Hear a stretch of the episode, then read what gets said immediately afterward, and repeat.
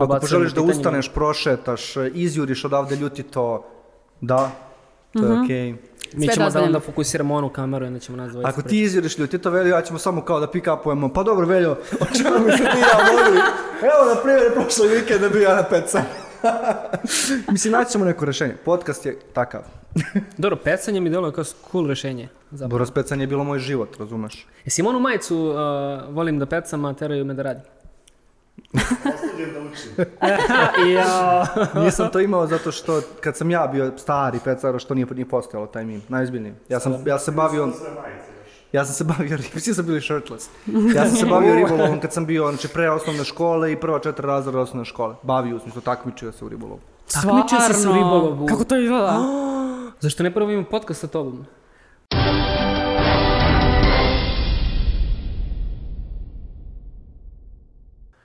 Ljudi, da li biste volili da radite u Microsoftu ili Nordeusu? I ako da, zašto? Zbog čega? Da li su to samo uslovi ili velika plata ili u pitanju nešto drugo? Šta je ono što vas privuče da kada listate stotine i stotine oglasa na raznim sajtovima da izaberete baš jednu određenu firmu? Da li mislite da je to slučajno ili firme zaista nešto rade ili mogu da urade kako bi privukli baš vas? U današnjoj epizodi Žiška podcasta pričali smo sa employer branding stručnjakom Katarinom Šonjić, koja je upravo dala odgovore i uputila nas na jako zanimljive stvari vezano za ovu temu. Tačnije šta jedna kompanija može ili šta neke kompanije već rade kako bi privukle osobe poput vas. Mi smo uživali, a siguran sam da ćete i vi. U ovoj epizodi podcasta smo sa Katarinom Šonjić, za prijatelje poznata kao Kaćons, a za fanove poznata kao verovatno najveći employer branding stručnjak u Beogradu.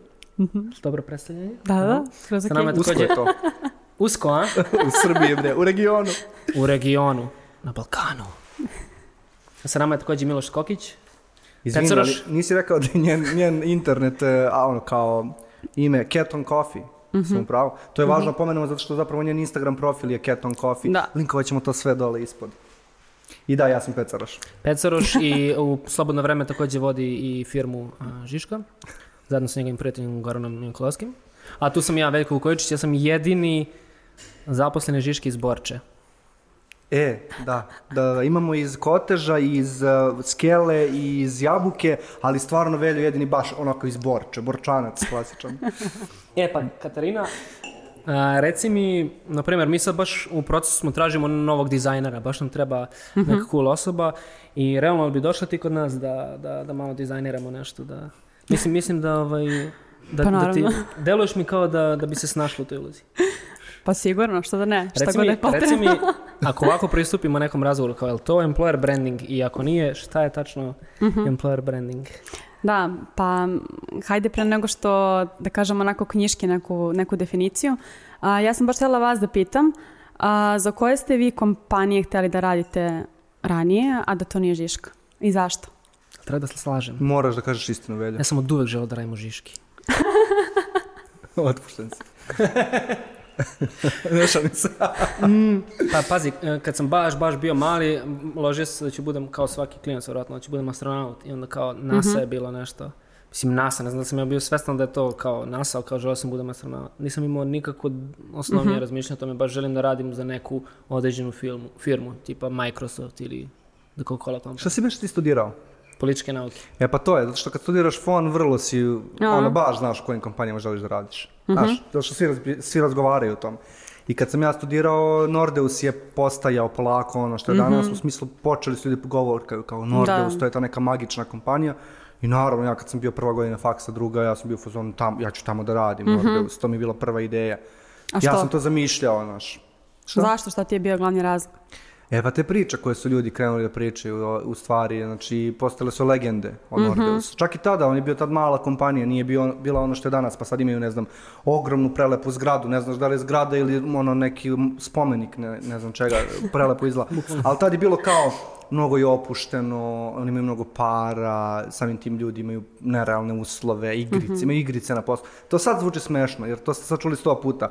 Ali Da. tada nije baš bilo tako. Nije baš bilo toliko ko firmi da si čuo kao igraju igrice na poslu. Ja sam kao, pff, pa naravno, oni prave igrice, sigurno na ceo dan igraju igrice. Ovaj, tako da to je bilo moje jedno loženje, ali vrlo brzo sam krenuo da se ložim da ću raditi u nekim marketinškim agencijama Mhm. i onda sam maštario da ću raditi u Leo Burnettu, da ću raditi u Sači Sačiju, opet Mhm. legendarni ljudi koji rade tamo, znao sam ko je kreativni direktor, znao sam ko je. I onda loženje na legende priče o tim ljudima, na lore Mhm. u suštini. Pa da, eto to što ste spomenuli, a, zapravo te kompanije su imale dobar employer branding prema vama ili svesno ili nesvesno, sve zavisi šta su radile i kako. Ovaj, tako da ja, onako kad krenem od osnova, volim ljudima da kažem da je employer brand zapravo kao prezentovanje kompanije kao poslodavca, to jest njena percepcija u očima ovaj, publike. A employer branding onda gledamo kao skup tih aktivnosti koji je potreban, potrebno uraditi da bi se došlo do te neke percepcije, jel tako? E sad, ono što je naj, najveća zabluda u svemu ovome jeste zato što ljudi uglavnom misle da su to a, samo eksterne komunikacije, samo digitalne kampanje, samo neki događaj i slično. Ali zapravo ne, fokus employer brandinga jeste da kompanija bude dobra kao poslodavac, dakle da radi sve što je potrebno da bi njihovi zaposleni bili zadovoljni i srećni i onda nakon toga da ume to jako dobro da iskomunicira publici. Tako da to je ono, kažem, knjiški, knjiški odgovor. A reci mi, pazi, mi, ja znam, većina nas i koji, ljudi koji slušaju podcast i gledaju, znaju za HR, čuli su za to, naši ono, stari su čuli za ono, ljudske resurse, kadrove. Čemu je razlika? Kako bi, jel postoji uopšte neka razlika u Mhm, tome? Postoji ogromna razlika, naravno. Uh, I tu isto imamo još jedan onaj mit kao da li je employer branding deo HR-a, da li je deo marketinga, šta se tu zapravo dešava. A ja, ja sam negde zastupnik toga da je employer branding zapravo odvojena priča, totalno odvojena priča. Um, HR se zapravo bavi uh, suštinski uh, ljudskim resursima i procesima u vezi ljudskih resursa. Uh, employer branding se bavi time da kompanija bude dobar poslodavac. Sad to uh, uključuje naravno puno HR procesa, naročito kada pričamo o zadovoljstvu zaposlenih. I tu sad postoji a, puno neke korelacije i zapravo employer branding i HR naj, najbliže sarađuju. A, tako da to je ono da kažem najvažnije je znati da employer branding kao takav postoji odvojeno. Nažalost naše tržište još uvek nije tu. Najčešće se employer brandingom bave ljudi koji su u HR-u pa onda ne znam ono 10% svog radnog vremena a, izdvoje samo za to. Ovaj, tako da to je, da kažem, jedan deo cijele te priče, a drugi deo je da zapravo employer branding, to jest ljudi koji se bave employer brandom ili employer brandingom, a, treba negde da sagledaju cijelu priču iz neke treće perspektive. Šta to znači? A, Potrebno je da gledaju šta se dešava u kompaniji, u procesima, šta je ono što ljudima fali, zbog čega su oni srećni, zbog čega su možda nezadovoljni, šta se dešava na tržištu, kakva je konkurencija, šta mi možemo bolje da uradimo da bismo bolje iskomunicirali sa našom ciljnom grupom. I to je onda sad onako preklapanje, ti negde pratiš tržište, pratiš svoje zaposlene i gledaš kako to da uskladiš i da najbolje moguće iskomuniciraš, a sve u skladu sa, sa nekim ciljevima kompanije, sad zavisi naravno o čime se bavimo. Znači, to je već neko strategisanje. Kao Pa, HR. recimo da, jeste. Ok, ajde sad zamišljam tebe kao kako radiš, baviš se time. Mislim, da li ti za razliku, ok, HR vodi m, pre svega razgovore za posao. To je, to je Da, da, i mnogo, mnogo toga, da. Da, a, sad mi reci kao, kao employer branding stručnjak, Mhm. a, ti tvoj posao počinje mnogo pre tog razgovora, zar ne? Tako je, znači, tako je, ti da. Si, ti si pre, pre svega, pre nego što uopšte, ok, znate da vam treba određena pozicija Mhm. u firmi i vi tu krećete kao employer branding stručnjak, krećete u kreiranje strategije kako doći do pravih ljudi i kako te ljude zapravo privući kod vas baš. Da, da, da. Pa isto kako to volim ja najčešće da objasnim jeste ako gledamo onaj sales funnel, employer branding je najviše zadružen za tu uh, za tu prvu fazu gde treba da privučemo kandidate i da kao uspostavimo neki awareness i neku, neko interesovanje njih za nas. Dakle, da suzimo tu ciljnu grupu, da to ne bude e, svi znaju za Nordeus, ok, da, svi znaju za Nordeus ili bilo koju drugu kompaniju, ali najvažnije je da znaju oni ljudi koji, koje oni žele da zaposle. E, to je naš posao. Prvo da identifikujemo koga želimo da privučemo, a, drugo da identifikujemo kako, kako je najbolje njima privući a, i ono što je tu ključni cilj jeste da zaista talenti koji su potrebni kompaniji a, žele da rade za tu kompaniju i da žele da se, da se prijeve za posao. E to je već onda onako da, kada kažem, malo, a, malo teži posao, da. Meni Znači- je, izvini, reci. što te prekidam, ali ovaj, da li misliš da ljudi, kandidati potencijalni koji traže posao, da li misliš da su oni svesni da kompanije rade neke vrlo konkretne stvari sa ciljem da se njima dopadnu? A, pa to je onako baš teško pitanje, baš zavisi od mnogo toga. Naravno, zavisi i koliko iskustva imaš i kako si uopšte došao do kompanije. Mislim da se ta svijest bar na našem tržištu a, negde povećava. Mislim, naročito u IT-u, ja dolazim iz IT-a, a, tu je onako velika borba za talente i mislim da su zapravo već i svesni da postoji taj neki pristup poslodavaca, da žele da im se približe, da žele da im daju ono što je njima potrebno. Ovaj, tako da zavisi o kom tržištu pričamo. U nekim tržištima je stvarno ogromna konkurencija, u nekima nije. A, I de facto je trenutna situacija da se poslodavci a, trude na neki način, ali još uvijek nisam primijetila da dosta njih tome pristupa onako baš, baš ozbiljno. Tako da mislim da tu imamo još, još puno Znači, prostora. dobro razumeo, samo mali broj kompanija se svesno bavi employer brandingom. Pa da, da. Šta to znači svesno? U smislu da imaju strategiju, da imaju osobu koja se full time bavi time. To znači to, da. Ok, to bi recimo bila tvoja uloga u kompaniji gde radiš. Jel imaš ikakvu ideju kao, jel možemo da lupimo neki procenat ili možda imaš ikakav podatak koliko Mhm. je kompanija u Srbiji koja se bavi employer brandingom? A, ovo što bih rekla jeste svakako moj osjećaj, ja volim da se ograđujem. A, recimo da pričamo možda 5%, Wow. Da. čak možda i manje, ali stvarno baš baš jako mali, mali broj. Ili možda rade to, a nisu svesni da je to baš ta rola i onda to ne komuniciraju eksterno i onda mi ne znamo da oni to rade. Ali ovo pričam više o broju ljudi sa kojima sam ja u komunikaciji, da znam što se dešava na tržištu, da sam ih upoznala negde na nekom događaju i slično. Rekla si podiže se polako svest ljudi Da. da postoji employer branding. Šta to znači? Kao, e, meni to govori kao da employer branding kao ceo koncept nije postoje Mhm. u Srbiji. Jel to jel ispravno tvrdim? Um, pa da, ali uh, šta to znači da se povećava trend jeste, pre neki dan sam videla oglas za posao, baš se zove Employer Branding Specialist, ja sam bila presrećena, ovaj, zato što to ne viđam često uh, i zaista nema puno ljudi koji baš imaju takav, takav uh, naziv njihove role. Uh, I ja kada sam krenula da radim, moja pozicija je bila HR marketing asistent, koja je kao mešavina svega što god, ali čim sam ušla u kompaniju, čim sam krenula da radim, sam se bavila time. Uh, zašto se to dešava? Prvo, employer branding kao pojam, ono na Google Trends, uh, vidi se da raste puno, uh, tako da globalno raste taj, uh, taj pojam. S druge strane, u Srbiji uh, sve češće se to pominje, sve češće se pojavlja na, ne znam, nekim HR A konferencijama. zbog čega? Šta se desilo? A, pa zato što a, postoji taj neki trend da, um, naravno na našem tržištu, a i na globalnom, jeste da se negde obrće ta paradigma. Ranije si imao veliki broj kandidata i jako lako si mogao da biraš. A, sada, naročito u IT industriji i još nekim drugim koji su baš, baš uska niša, imaš mali broj kandidata ili imaš ljude koje moraš na neki način da da edukuješ za ono što ti radiš. I sad kako njima prići, ovaj, kako se uh, razlikovati od konkurencije, kako to na neki dobar način uraditi da, da zaista dobiješ te Ste kandidate koje probali sa želiš. kešom, sa većim platama? to mi zvuči kao igrice na jednostavno poslu. Jeste kao, i pare. da. Ali dobro, ja se šalim, ali Da, ima i da. ozbiljnog pitanja u pozadini, a to je, Jeste, da. zar nije sve rešivo kešom? Očigledno izgleda da nije, jel da? Pa definitivno nije. Mnogo istraživanja pokazuju da to nije istina. Um, I kada bi to bilo tako, onda verovatno i ova moja rola ne bi postojala. ovaj, a, isto se stvarno dešava to da recimo postoji gomela benefita a, koje kompanije nude, a zaposlenima to ne treba. Kao, ok, uložite ne znam ja koju lovu u, u silne neke aktivnosti, svašta nešto se dešava, kao 5% zaposlenih to koristi, na primjer. Ili s druge strane, nešto im treba, a kompanija nije u stanju da im omogući, a kao zapravo možda imaju budžet za tako nešto. Tako da ono čime se ja isto takođe bavim i čime bi trebalo ljudi da se bave jeste da a, prate šta se dešava u kompaniji, šta je ljudima potrebno, kako da se oni najbolje razviju, da dosegnu neki svoj stvarno pu- pun potencijal na poslu, što je mnogo, mislim, daleko važnije od od love ili od ne znam neke zabave i čega god. Se zavisi naravno i koja je industrija u A meni je to sad interesantno to što si spomenula baš jedan segment Mhm. employer brandinga da iako je nov koncept nikad se nikad ne bi razmišljao da da employer branding radi i to to je da kao bridžuje očekivanja kompanije, odnosno kao sad ćemo mi da uložimo gomilu novca u to da se igraju igrice na poslu, a kao zaposlene baš Možda molimo i za nije to. potrebno, To mi je tako je. baš fascinantno. Što pričam, Da. to je potrebno.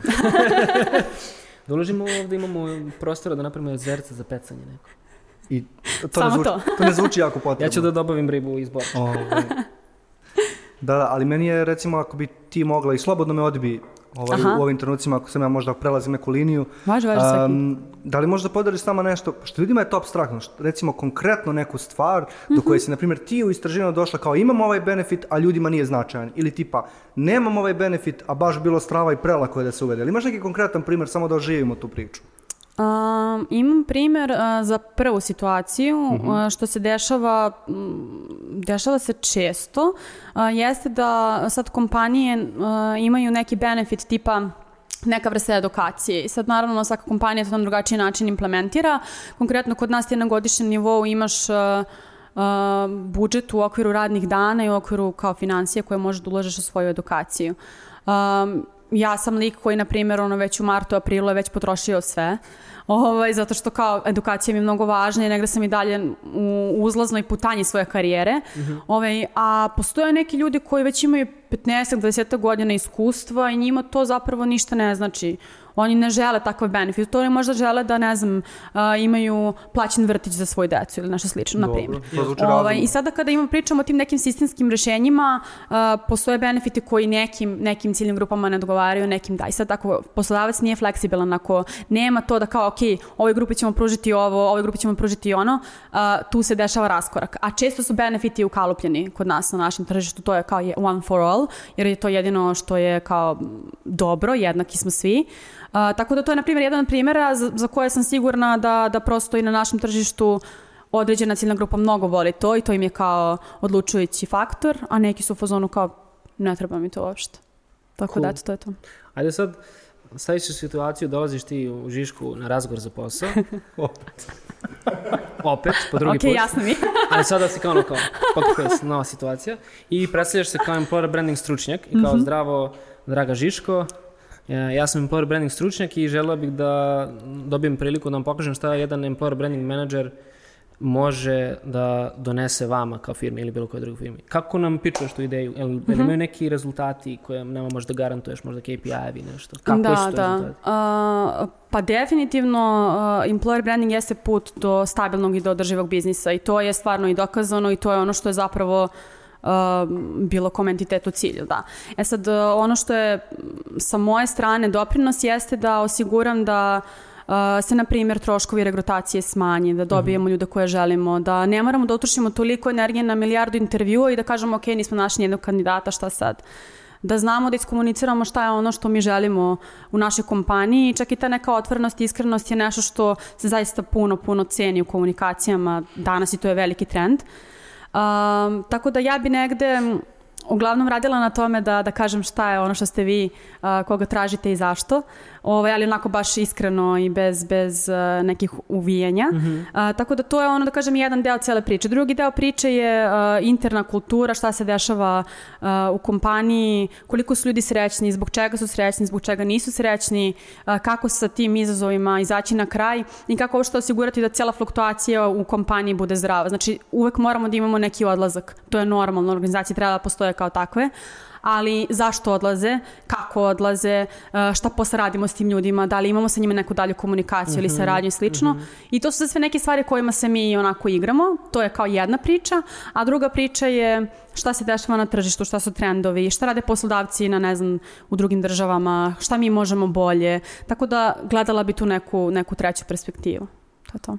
Interesantno. Jel postoje neki način na koje se radi recimo taj audit ili istraživanje, ne znam? Da. Možda možda podeliš s nama neki zanimljiv, neku zanimljivu tehniku, kako se recimo istraži, ne znam, zadovoljstvo zaposlenih ili kako se istraži tržište pa da vidimo mm -hmm, mm -hmm. kako stoje konkurenti i slično. Bilo postoji puno, puno načina. Nedavno sam otkrila ovaj, da postoji jedna ekipa iz Srbije koja je razvila alat za merenje sreće na poslu, mm. gde bukvalno jedno nedeljno kao pošalju neko pitanje zaposlenima i dobijaju puls kao stalno znaju šta im se dešava u organizaciji, kao koliko ste zadovoljni na poslu, da li se osjećate da ste ono prihvaćeni vaše ideje, kako komunicirate s ljudima i slično. To su uglavnom neke, neka kratka pitanja, ali kao stalno merimo puls šta se dešava u kompaniji. Postoji ona istraživanja koja se najčešće rade kod nas, ali koja uglavnom ne pokazuju baš onako pravu sliku. Jeste ono tipa jednom godišnje pustimo anketu, zaposlenima i pitamo ih. Uh, na primjer, uglavnom se vodimo time uh, koji su naše vrednosti ili šta je ono unikatno kod nas uh, kao poslodavca uh, i recimo koliko bi oni preporučili svojim prijateljima ili porodici da rade kod nas. I to je kao ovaj NPS, Net Promoter Score, koja je glavna metrika u, u cijelom našem svetu. Kako si rekla, nisam ovaj, uhvatio. Net Promoter Score, uh mhm. -huh. NPS.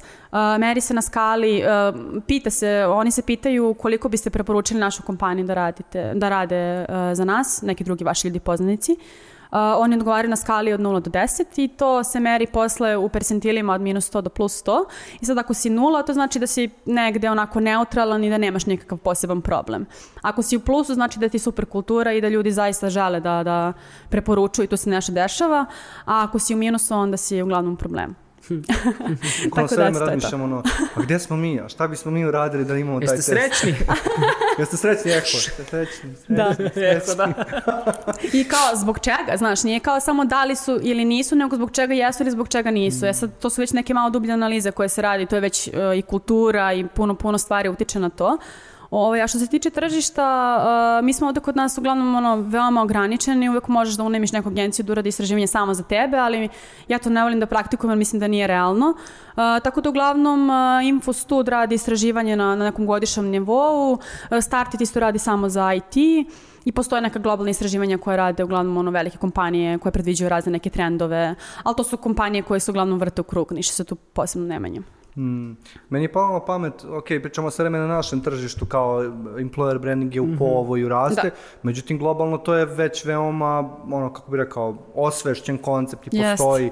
I interesuje me kao, Jel postoji nešto što je trenutni globalni trend u employer brandingu? Recimo nešto što, što trenutno jako boji sve rasprave, pre- predavanja, konferencije. Pa da, postoji nekoliko toga, baš sam nedavno pisala, nedavno sam pisala o tome. A, jedan od trendova jeste taj kao data-driven pristup, jeste da a, sve što odlučimo i sve čime želimo da se bavimo, čemu želimo da se posjetimo, jeste da to bude zastavno na nekim podacima i sad generalno je taj trend i da HR prelazi u data-driven pristup i da imamo podatke o zaposlenima i o tržištu i o kandidatima koji su možda prošli, nisu prošli proces, da možemo da utvrdimo neke trendove. Um, nisam sigurna da sam naišla na neke baš dobre primere ovde kod nas. A, to je jedan od trendova. A drugi od trendova jeste da postoji ta neka unikatnost u pristupu, to jest u komunikacijama i zapravo u tome šta mi kao poslodavac radimo. A, I tu ću vam dati još jednu skraćenicu. Čekaj, ovaj, da, puno je skraćenice. Kako? Beleške. ovaj, a, to je taj EVP, a, to jest Employee Value Proposition. Ovo si baš na mala vrata uvela, ovo je Da, nešto čemu ti dosta pričaš inače, zar ne? Jeste, u jednom trenutku je meni bilo malo muka što sam toliko pričala o tome, kao pričala sam ljudima zašto je važno, kako mogu da ga naprave, šta da rade s tim. To je zapravo vrlo jedan uh, jednostavan alat koji može da se napravi sa nula budžeta, ono sam potrebno. reci. Nula budžeta ovaj, imamo. Nula budžeta imamo, Prodat. da. ovaj, a, bukvalno postoje ono četiri jednostavna koraka kako to može da se uradi uh, i ja dok sam istraživala uh, cijelu tu tematiku apsolutno sam bila ono iznenađena jer kad sam došla od skulke to je bilo nešto što mi imamo i sa čime ja radim i ja to preuzimam kao nešto što je normalno. I onda sam zapravo shvatila da ovde kod nas ljudi ne znaju konkretno šta je to. Sad kao što vi imate uh, value proposition za, za neki od proizvoda koji komunicirate, koje podržavate ili koje vaši klijenti prodaju. Ovaj, tako isto postoji i u ovom svetu. Dakle, šta vi kao poslodavac nudite da, da je baš kod vas unikatno. I sad postoji taj proces da vi možete da dođete do toga, kao do tog odgovora i da taj alat zapravo koristite u komunikaciji. Sad, pošto je nastupila cijela kriza, Ovaj, ispostavilo se, to jest na tom istraživanju su pokazali, na globalnom istraživanju su pokazali da kompanije koje imaju a, duboko ukorenjen taj EVP, znači da ga koriste već neko vreme, Izvini, da... ja nisam opet uhvatio, šta, tačno šta znači skraćenica EVP? A, employee value proposition. Ok, ok, ok. Znači šta je ono što mi našim a, zaposlenima nudimo kao posebnu vrednost, unikatnu vrednost. Tobogan. Ovaj, I to je, šta kažeš, tobogan? Nema veze, objasnit ću ja posle. Važi. Ovaj, um, uh, kako se zapravo taj alat koristi? Znači nije sad kao mi imamo EVP, to je to i završili smo posao. Ne, nego taj EVP koristimo interno kada uh, komuniciramo sa zaposlenima, kada organizujemo neke aktivnosti, kada organizujemo možda neke kampanje da ih angažujemo, da oni zaista žive to što smo mi definisali.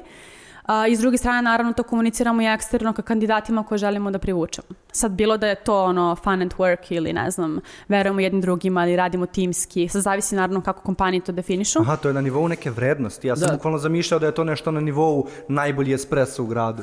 Pa ja sam mislio da je to da bude čemu se izme- između benefita, na primjer. A, pa benefiti su konkretne stvari koje ti kao nudiš kao poslodavac i to je to, znaš. Tipa A ovo su bukvalno kao neki postulati, nešto čime se ti vodiš kao poslodavac. Sve to može da bude nek, u vidu neke rečenice kao nekog statementa i to uglavnom uh, kompanije stavljaju na sajtove, a um, mogu da budu i ti pilari koji su kao um, stubovi koji nose sve to što vi radite. Tako da, uh, naravno, vrednosti su nešto što odlikuje svaku kompaniju i uglavnom su vrednosti kreirane ka nekom eksternom sistemu, to je ka klijentima ili šta je ono što mi zapravo želimo da gajimo da bismo u tom sistemu postojali. Ovo je baš onako uže, uže, mnogo uže definisano i baš orijentisano ka zaposlenima. I onda je cool, meni se mnogo dopalo to što kao ja sam drvila o tome šest meseci, kao Mhm. udavila sam sve ljude i onda kao pojavljuje se to u izveštaju da je zapravo napravilo razliku u kompanijama koje su to već neko vreme imale. Wow. Jer je došla kriza i njih je to izvuklo, prosto su se bavili time, ono svojom suštinom, šta ono mi što radimo. Kad kažeš da. izvuku, u smislu kao ostali su prepoznatljivi u toj krizi kao neki... Pa da, i time su se vodili kada su prolazili kroz krizu, znaš, kao mi znamo šta je Držali ono što... Tako je, tako je, držali su se toga, da. A te znaš šta mi je zanimljivo? Naprimjer, ti e, sad pričamo o, o EB-u i Mhm. dosta ljudi sada kao tek su upoznane sa time, ti deluješ baš uzbuđeno, baš strastveno vezi toga. Kako si, Da. otkud si se kao, to nije nešto što se lako pokupi, na primjer, Skok je žele uvek da radi ono, sačin, sači, gde već. Ja sam, ja sam uvek volao da se bavim nekim kreativnim poslom i onda je Aha. marketing nekako išao prirodno uz to. Da. Niko onako u srednjoj školi ne kaže ja ću da budem employee Pa dobro, branding nisam ni manager. ja, da se razumemo. Ok, ali kako si, kako si uopšte ušla u ceo taj svet? Šta se desilo? Kako si prešla iz HR-a u to? Da, desilo se svašta. Otprilike bila sam jedna od onih mnogih safona koji nisu znali šta će u životu da rade. Ti si sa fona isto. da, Ja nisam to znao, uopšte, mislim, znamo se neko vreme, ali nisam to znao zato što ne mislim da je nešto mnogo bitno, ono, da znaš o osobi šta je završio. Realno, nije, da. Ovaj, a, I ja sam negde već u trećoj godini krenula kao, okej, hoću da radim, hoću da probam, da vidim kako ovaj svet izgleda. Ja sam čak želela da budem deo cele vaše industrije, ali to se nije desilo. Ko znam zašto je to dobro, šalim se. Pa, to ti je odlično. Ovaj, a, I radila sam i u startupima i NGO-ovima i uglavnom u manjim timovima um, i bavila sam se edukacijom. Edukacija je nešto što mene stvarno mnogo vozi. Uh, vozi me rad sa ljudima i komunikacija, naravno, to mi je ono kao bilo, bila mi je prvi izbor nekada davno. Uh, I u trenutku kada sam ja rekla, ja želim ono kao uh, posao za odrasle otprilike. Ja sam tada bila u jednom NGO gde smo organizovali ogromnu konferenciju svake godine. I um, to mi je nekako bio super miks, kao ok, bavit ću se ljudima, bavit ću se uh, marketingom, bavit ću se komunikacijama, tu imamo malo event management, to je nekako sve što ja znam pomalo, ali nisam nigde ekspert. I to je meni bilo mnogo simpatično zato što kao uh, nemam samo jedan posao jer bi to me verovatno jako brzo smorilo, ovaj, ali uh, radim nekoliko stvari, stalno se nešto menja i stalno postoji neka dinamika uh, i to se meni mnogo svidelo. I bukvalno, mislim ja sam znala na šta je employer branding kad sam došla na intervju onako okvirno, malo sam nešto čitala i kad sam krenula da radim, ja sam se potpuno za- zaljubila, kao konačno sam se pronašla, ima nešto što, što je za mene, da. Jeste. Ja, e, pri, pričala si mi, ja znam da si upoznala, sad ne znam u kom trenutku Aha. tvoje karijere došlo to, ali Simon Barrow, Da. se sećam. Jeste, jeste. E, i on je kao navodno neki baš huge deal u celom tom svetu. Jo, jeste, da. Ovaj, to je jedna jako zanimljiva priča. A, Prošle godine sam bila na jednoj HR konferenciji. Prvi put se kod nas desilo da je neko posvetio ceo dan employer brandingu. Ja kao, je, Wow. konačno, nešto se dešava. Um, I tu su doveli Simona Barrowa, to je čovjek koji je zapravo osmislio ceo ovaj koncept. To je jedna dekica koja ima tako 70 i kusur godina, koji ide na konferencije, priča, mislim, on stvarno je u godinama čovek, ali on je i dalje toliko strastven i toliko želi da dolazi na konferenciji i zaista je bio sjajan. Ovo, imao je onako old school predavanje i pre nego što je počeo, pitao je, znači to je bila sala, nas je bilo prilike 200, to je moja kao edukativna procena. Wow.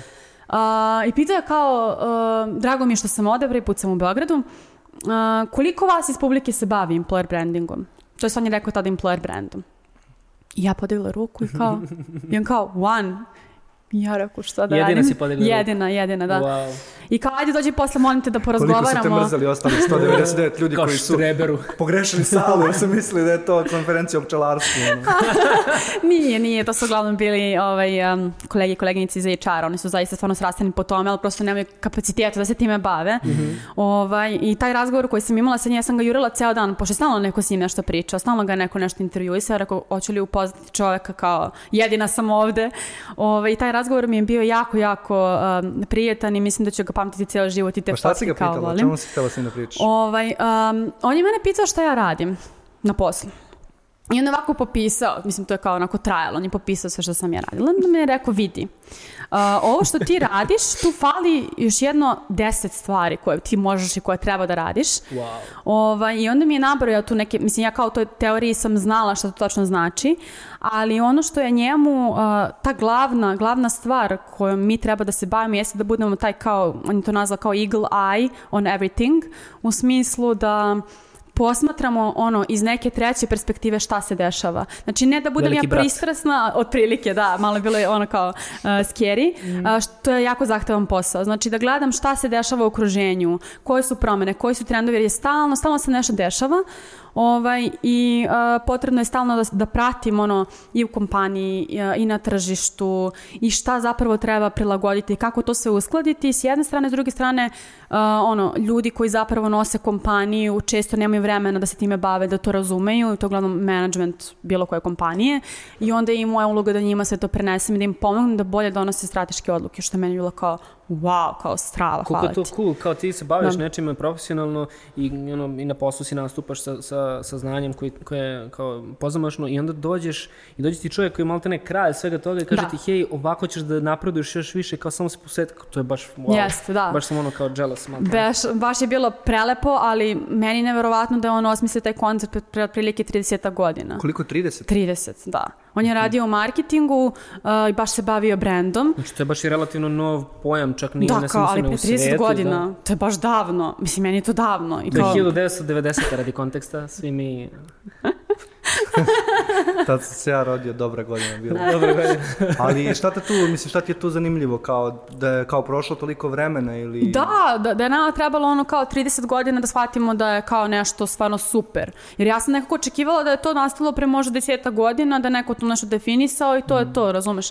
Ja tek posle kad sam shvatila istorije cele priče, nekako mi je to, ne znam, mislim da smo spori. Moj To utisak moj je da je nužda došla kasno, u smislu, Da. mi smo Da. se zainteresovali za employer branding kad je počelo da gori onima kojima gori, a to je prvenstveno kod nas IT firme koje se susreću, opisala si već kako je to tržište rada. Obično tako uvijek i bude, da. A mi ostali se možda ne bavimo zato što nam, ili ne bavimo toliko, ili ne na toliko Da, da, da. osvešteno, zato što nam ne gori toliko, bar Tako nam je. se čini sada da nam ne gori. Mhm. Ovaj, I tako da to je ono, ja nekako kad sam zamišljao tvoj posao, razmišljao sam, fuck brate, IT industrija, što god da uradiš, ono, toliko je, ne znam koji izraz za to, e, prevelika je konkurencija u tom smislu. Jest. Moraš bukvalno da izmišljaš stvari koje niko, to je baš, baš heavy. Jeste, ali ne samo da izmišljaš stvari komunikacijske, čini mi se, nego moraš stvarno duboko da promisliš šta uopšte znači, ono, biti zaposlen negde, Tako je. na nekom Jeste. najširem nivou, kao kako ljudi to kontaju. I onda sam tako dosta razmišljao da, o- e, osim što je velika konkurencija, nekako imam utisak, kad ti mi reci da je to zaista tako, Mhm. da ljudi koji se bave HR-om, a onda tek employer brandingom, Mhm. nekako ubiše se radeći nešto i to, ono, u- užasno su u tome i rade ozbiljno važan posao, ali čini se da je on sav nevidljiv. Da. I da ljudi za koje ga oni rade, u stvari, uh, verovatno ili ga ne primećuju ili misle da je bullshit. Mhm. U smislu zaposleni firme, molim ti spremi ako greš, moja, moja predrasuda. Nekako prečesto samo dismisuju te stvari, u fazonu su, pa dobro, kao, i rijez bori rijez, kao nekako, neku stvar koju neki možda osoba tvoje struke uspostavila u firmi, koja je fundamentalno promenila dinamiku u toj firmi. A, to je status utorkom. To je ono, naš, šta je, to je od, zato Ode im odgovor- ispod radara, nisu ni svesni da je to zapravo Da. trebalo da se promesi, da se implementira i da je to odgovorno. Kao... Jel, ima, jel imaš ti osjećaj satisfakcije i priznanja u, ra, u rađenju svog posla? U stvari je to moje pitanje. Um, mislim da je to vrlo individualna stvar. Ja lično imam, um, zato što je meni mnogo važno da vidim neku emociju u ljudima. Važno mi je da kao šta god ja da uradim, da njima to nešto znači. Bilo da je to, ne znam, neka sitnica kao što je bila karikatura za novu godinu, to je posle za početak marta trebao da bude poklon za novu godinu, oko kog sam ja izgubila četiri meseca otprilike, znači svaki zaposlen dobije svoju karikaturu, ovaj, ali e, meni je ta energija koju dobijem nazad kad su oni zadovoljni kada vide koliko je tu energije uloženo, to je meni ono veliki drive. Mislim, i to se dešava na tako nekim malim, na izgled malim stvarima, e, do toga da ne znam, neko dobije neko priznanje za, za to što je uradio, što se kao baš um, nenormalno iscimao za neku temu, a nije se nešto puno očekivalo od njega i slično.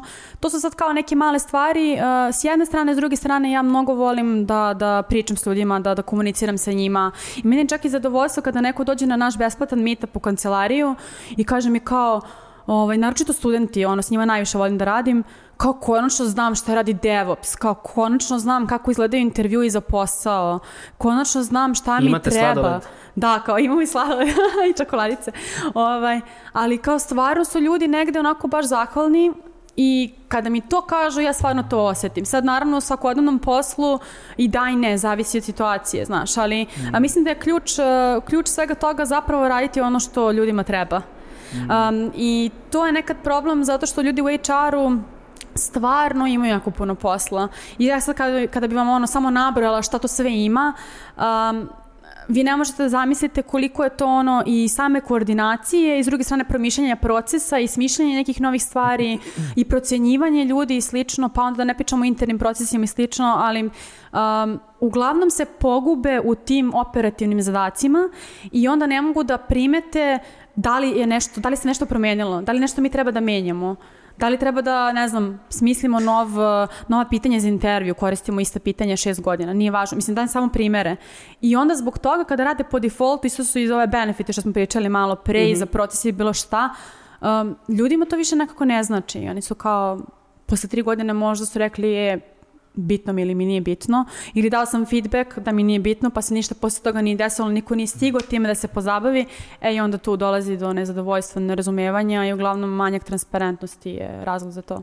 Ali da, mislim da je, mislim da je takva situacija sada. Da, pa možda je to neka i moja lična frustracija, jer u Da. stvari, da, bilo ko ko se bavi bilo kojim imanjem svog posla, on kao stalno misli da drugi ne vide njegov rad. Razumeš, možda sam je malo učitao u sve to. Ali to je, to je, sve vreme mi smešna, pri- mislim smešna priča u glavi, ja to znam i razumem ovaj, šta pričaš i čak, čak bih se i složio sa tom da postoji takva percepcija, pogotovo za, za HR, a tek za employer branding koji je još noviji, koji još ljudi su manje upoznati sa Da. time, ali mislim da to kao, da li je neko, odnosno da li je većina ljudi svesna o tome kao koliki su doprinosi, nije toliko bitno, dok god su kao ključni ljudi zapravo svesni da se nešto događa. Onda mi uvek Da. pada na pamet priča kao futbalska priča, eto da, da približimo ovaj, ljudima. Ovo će biti, samo da vam kažem, ovo će biti prva fut, futbolska metafora u podcastu ikada u Moguće. Žiški. Molim te, Veljo, Oh my udri. god. ne, ali mm, kada imamo postavu futbalsku, obično se kao najviše cene ljudi koji asistiraju, ljudi koji daju golove ili kad, ako je dobra odbrana, onda imamo kao golmana koji, koji skida loptu i tako Da. dalje. A jedna od najvrednijih uh, pozicija, naj, naj, najvrednijih igrača u cijeloj postavi je taj kao central defensive midfielder koji ti ljudi koji ne, ne prate futbal redovno, već su u fazonu kao ja sednem pa gledam futbal i pijem pivo i cool mi je, oni kao pa šta radi ovaj lik, on ništa nije uradio, ni, ni samo dobacuje A. loptu, ne, ni da gol, ni, ni, a on je ključan, on povezao, on je kao bukvalno srce celog tima i samo oni kao ljudi koji se dosta razumiju u futbal znaju njegovu vrednost, tako da sa te strane mislim da je skroz okej da Mnogo lepa da veći- metafora. da većina Ja ljudi- sam se rasplakao. jesi se nešto... Unutra. Yes.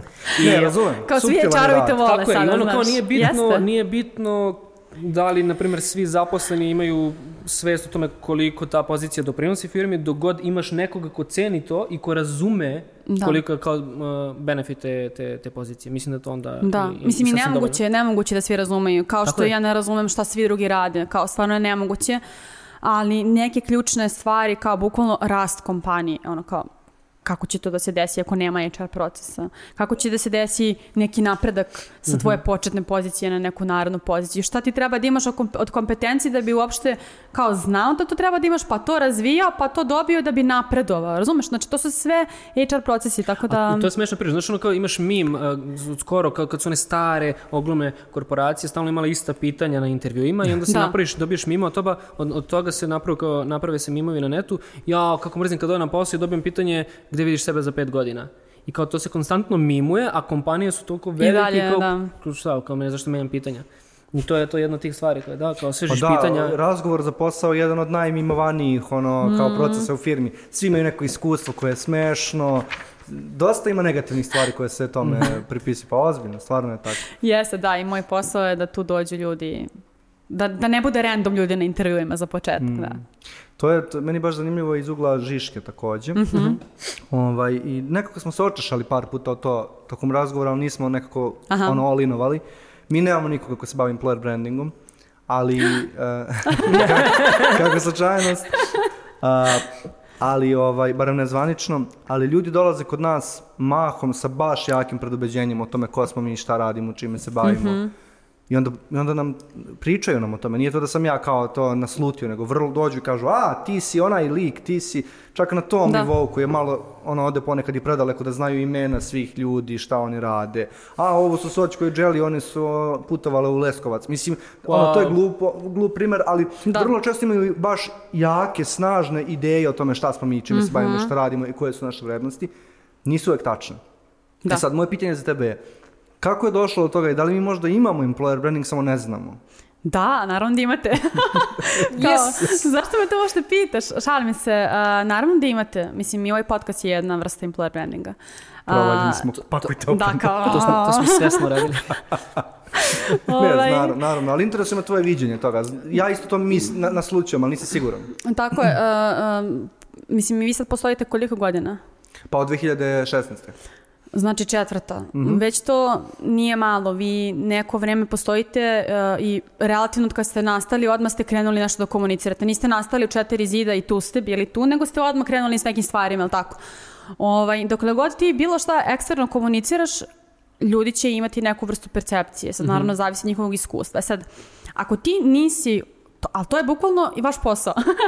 Ako nisi unapred promislio šta ćeš da komuniciraš i šta uopšte želiš da oni vide, da oni razumeju, ako ti to nisi definisao, o tome razmislio i to iskomunicirao, to se neće desiti. Da. Šta misliš da li smo mi definisani? Pa, eh, ne znam.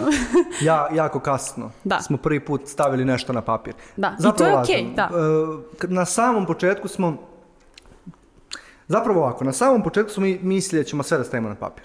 Onda je krenula da se dešava realnost i nismo stavili. Tako stvari Da. na papir. Da. Tek nekoliko godina kasnije smo mi primorani nekim okolnostima, poslovnim koje su došle iz, naše, iz našeg poslovanja, seli i rekli, ok, stanite, stanite, stanite, ok, sve je implicitno, nikad nismo zaista stavili na papir, ni koje su to vrednosti, ni šta to znači, ni šta je nama važno, moramo da odradimo ovaj- ovaj domaći. I to je meni toliko teško palo, iskreno, zato što jednom kada smo izgovorili te stvari, ja više nisam, uh, više mi nisu bile toliko, toliko zabavne. I morao sam nekako odgovorno da se odnosim prema tome. Jer dok je sve vague i kao mi se sprdamo, pa u stvari kao ha ha ha šalimo se, nije ovo ozbiljno, u stvari najozbiljnije ikada, sve je lagano, nemaš odgovornost. Međutim, kad treba Da. staviš na papir, za koji znaš da ćeš podeliti svim trenutno zaposlenima, za koji znaš da ćeš učiniti na neki način javno dostupnim, ono, kreće frka. I hoću da ti kažem, da, mi smo prvi, prve dve, tri godine ovo ružno zvuče da radili na instinkt. Nije baš da mi nismo imali nikakav, uh, Goran i ja smo mnogo razgovarali, onda svi naše kolege koji su dolazili, mi smo mnogo razgovarali, ali niko nije otvorio Word ili bilo koju vrstu dokumenta i rekao, čekaj, stani, koja je to vrednost, koja je to, zašto pričamo stalno o tome da smo mi kreatori, zašto pričamo stalno o tome da smo slasheri, šta to uopšte znači Da, da. slasher, odakle nama to, koji je origin to, tek mnogo kasno, znači nakon dve, tri godine smo mi krenuli to da radimo i rezultat toga je jedan dokument koji uh, je radni, on sve vreme radimo, njemu i, dan, i danas i uvek ćemo raditi, koji ima tipa 90 stranica. Goran has entered the chat. Bukvalno Goran koji je ono bdi nad nama trenutno. Goran je inače na odmoru i nismo ga vidjeli par nedelja, već počinje mnogo da nam nedostaje, ali on jeste na neki način owner uh, tog dokumenta. Uh, Bravo za Goran. Dokument se zove Cheat Up Čitap.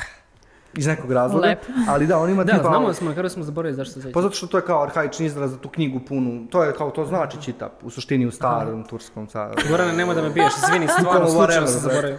O, ali poenta je, dokument ima tipa 90 strana, nije sve o vrednostima, ali prvih um, 30 strana se bukvalno bavi tim, ok, ko smo mi u stvari, šta je nama bitno. I sad kad razmislim, dosta stvari koje smo radili u prošlosti nisu u skladu s tim. To jest, Wow. ne bave se to, nije da nisu, nisu protivrečne, samo se ne, bave- ne, ne, ne fokusiraju te Tako je. stvari, bave se nekim drugim stvarima. I meni je to ludilo, čoveče. Koliko Ali smo to je vaš korak, stvari? naš, vi, vi ste tu porasli puno i to je prvi korak. I e, tek kada budete nastavili dalje da radite na tome, to je nadam se da i dalje radite na tome, shvatit ćete i kolika je razlika čak i kada definišeš samo vrijednosti, a i šta je ono šta ja nudim kao poslodavac i kao šta je važno u tom radnom odnosu nama. I onda kada se to definiše, pa tek kad krene da se komunicira ekstremno, dok ljudi to skapiraju, znači to su već ono dugoročni procesi i realno a, većina, većina stvari koje sam ja radila i koje i dalje radim, a, rezultati dolaze tek nakon, nakon nekog vremena. Znači to ne može se desiti odmah. Ovaj, I to je ono što je mnogo važno i važno je da stalno pratite i da učite iz toga. Ali to je bio, to je bio veliki korak za vas. Opirali ste se ovaj, dve, tri godine i to je to. Pa iz straha, znaš, zato što ti se bojiš da svaki dokument novi koji napraviš će da te učini više nečim što ne želiš da budeš, a to je nekakva korporacija koja Ali ne mora da znači, stvari, ako ne mora da znači. zvuči, Da. zvuči serious. Trebalo je dosta vremena da, da shvatimo da u stvari to nije tako i da, jer mi smo mnogo vidjeli vrednosti iz definisanja stvari, naravno, ali ovaj, dugo smo se pitali kako je stvari krenula cela stvar i koliko smo mi u stvari naivni bili. Mi u stvari nismo razumeli da mi radimo employer branding, ja tebi odmah Aha. da kažem. Da, da, mi smo jasno. te videe snimali i pravili postove iz potrebe. Što je nam bilo važno, onako naivno, razumiješ, bilo nam je važno da pričamo o tim stvarima jer su nas tištile. Bukvalno kao neka vrsta terapije. Ne, nismo mi kao evil mastermind, sad će svi najbolji kadrovi doći kod nas. Nego bukvalno nama to bitno i ajde rokamo to. Ali znaš šta, samo da ti kažem, izvini što te prekidam. Ne, slobodno. Ali ti time što to na taj način radiš i što si stvarno to što ti jesi ili tim ili ekipa, Mm. vi ćete privući ljude koji vole to. Znaš, Mm. vi bukvalno onda time, uh, i zato je važno i ovom poslu biti mnogo, mnogo iskren i otvoren. Ok, imaš ti definisane sve to, ali nemoj da ga pakuješ u, u ono paketiću, u bombonicu, da mi tako serviraš, nego bukvalno takva komunikacija je nešto što je svim poslodavcima potrebno, jer moja filozofija je da zapravo te konkurencije nema uh, i da talenti uh, su sposobni da nađu mesto koje je njima potrebno, je da, da, se, da se apsolutno razviju, samo je važno da poslodavci znaju da komuniciraju šta je to što oni nude, što oni vole, što gotive, kao s kim hoću da. Da. radim i da se ta osoba zakači za to i da bude pozvano da, ja hoću s ovim Mnogo ljudima mi da se to radim. sviđa. Ja isto za nikad nisam osjećao postoji konkurencija. Pa da. Dovoljno ima svega za sve Da, na da, tržištu rada. To apsolutno. je tačno, to je kao Žiška karakter, iako nismo imali, e, na primjer kad sam ja dolazio, kad, kad sam se ja prijavljivao za posao, ja sam se prijavio na 30 različitih adresa, ali kao Žiška mi je bilo, ja samo da me pozovu oni, ne zato što sam ja sada nešto bio upoznat sa, sa, sa Žiškom, niti sam toliko Da. čitao koliko možda e, danas to, to, to ljudi već rade posle nekoliko godina više, već vi- vi- više taj vibe koji sam pokupio preko Instagram postova, preko blogova, preko sajta, preko Facebooka, bi mi pozvano, wow, delo kao, kao jako cool mesto za rad i da, da bih baš tu ono uživao. I ne samo što bih se raz- razvijao kao profesionalno, nego baš bih uživao da radim. To je to nešto što ti kažeš, nismo možda bili definisali, ali opet što Kaća kaže, kao samim tim što smo bili iskreni, privlačili smo ljude mnogo više To je nego tada da bilo bezlični. dovoljno. Ali Znam. to nije skalabilno, zar ne? Tako je, Zato što tako ako je. ti cijelu svoju strategiju zasnivaš na iskrenosti tri lika i dve ono, koleginice I psa. i psa, znaš, kao postoje granice tog pristupa. Tako je, i to je stvari mana. Mislim, to sam da ti kažem, kao ta iskrenost je važna da, da ostane kod vas i kao to će vas održati,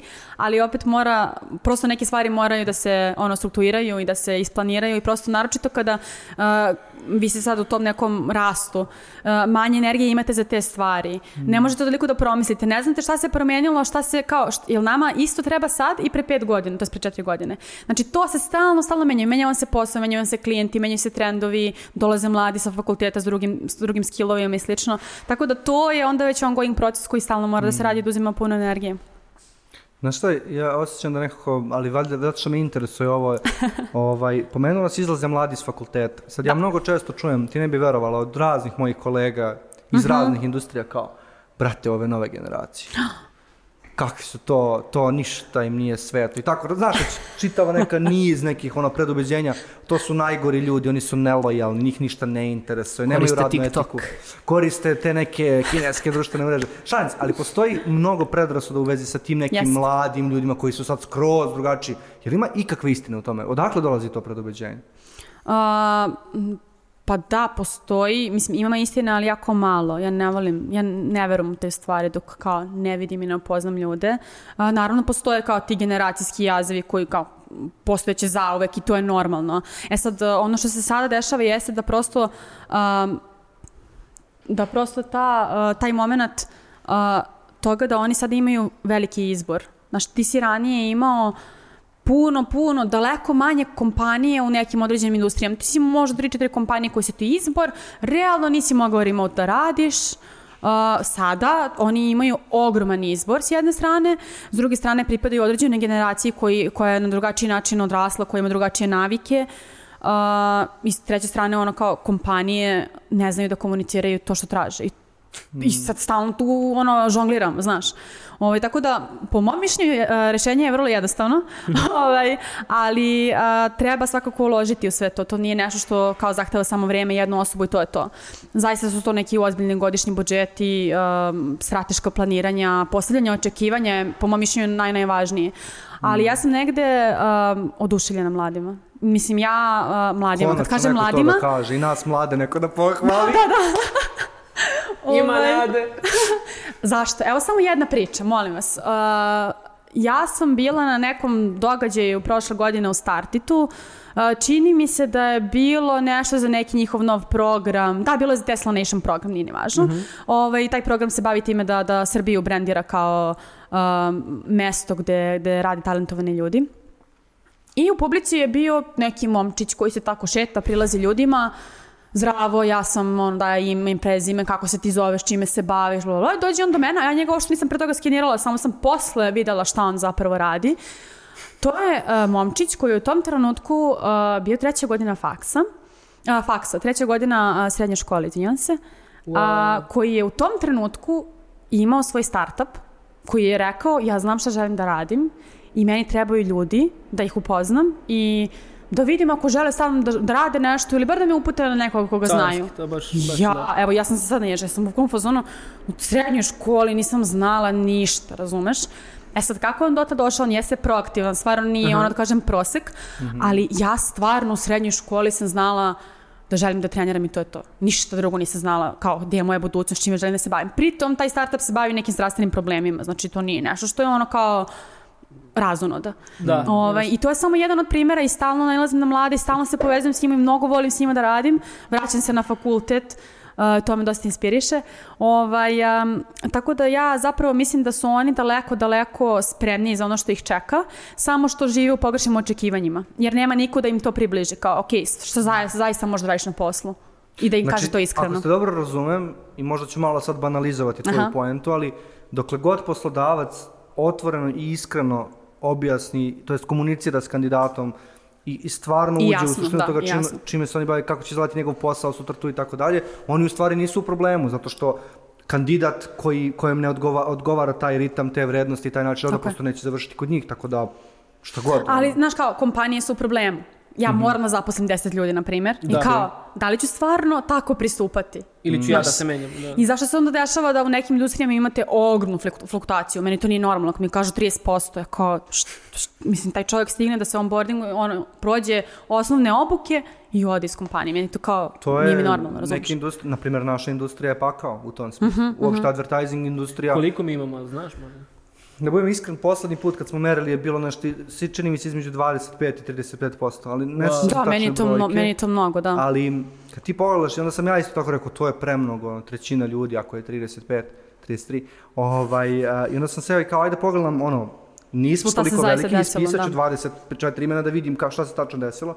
I onda kažeš, aha, dobro, postoje razni procesi, vidi, pazi, par ljudi se odselilo iz zemlje, to je Tako nešto. je, tako je. Aha, ovaj lik je stvarno bio nesrećan, to je nešto drugo. I Mhm. tako dalje. I onda, znaš, malo ti bude lakše, jer samo procenat, znaš, zvuči strašno, ali opet, ajde vidimo koji su sve faktori koji na to utiču. Ali generalno, ja sam radio u agencijama i, i, i Žiška je iskusila deo toga, gde ti bukvalno ono okreneš se, ne poznaješ nikoga. Wow. Ono, svi se obrnu, neverovatan je protok ljudi, ali moramo im iskreno, nije uvek bila krivica agencije, nego jednostavno to je industrija koja je doživjela neverovatnu transformaciju u prethodnih deseta godina i jednostavno neka zanimanja su izumrla, uslovno rečeno, neka nova su se pojavila, niko se tu nije ništa snašao, tržište nije regulisano i samo je krenuo divlji zapad i svi su samo ono, krenuli da prelaze piče, Da odlaze, da. napuštaju poslove.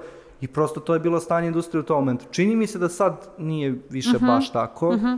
I taman kad sam to krenuo da kažem, desila se kao ovaj, korona i cela, ceo taj neki novi kontekst o kojem ćemo se sigurno se u nekom momentu da se dotaknemo, ali, ali zanimljiva je, zanimljiva je cela ta tema, definitivno.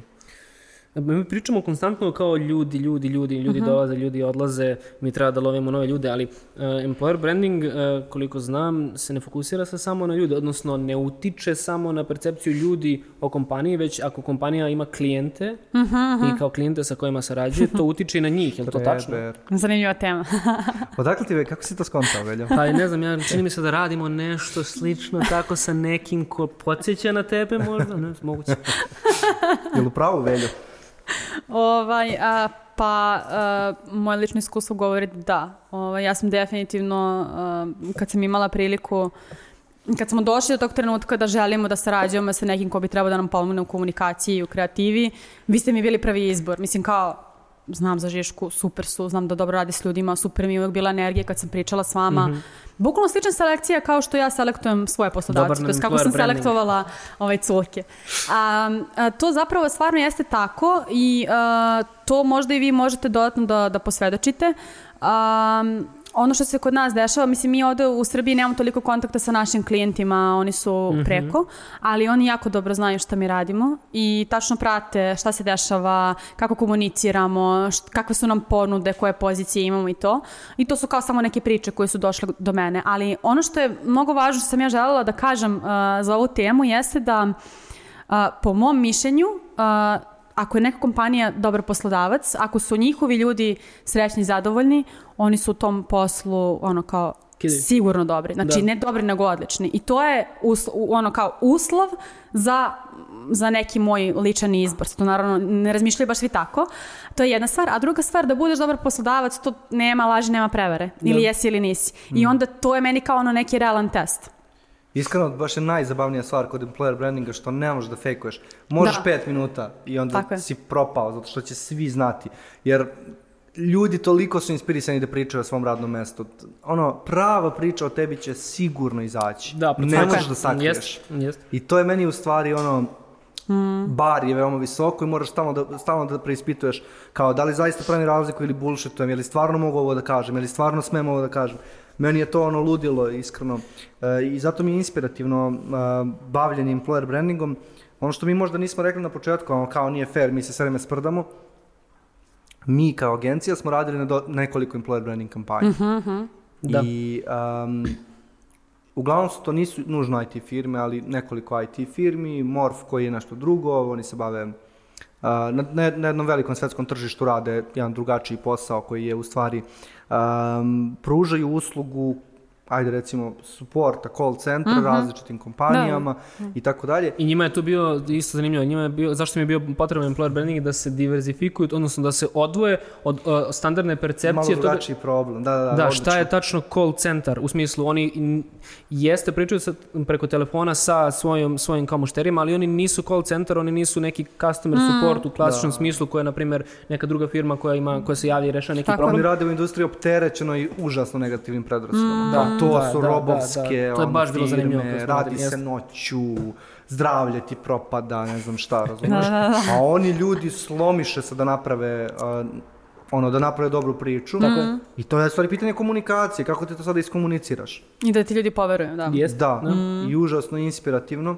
Mislim da je to prva employer branding kampanja koju smo radili, možda čak tad nismo ni kao zvali to employer Da, nismo ni bili svesni da se to tako zove, ali smo bili kao svesni da, se, da ima nešto vezano za Ovaj, to. Ali iskreno moje neko iskustvo, to je jedna od najinspirativnijih stvari na kojima možda radiš.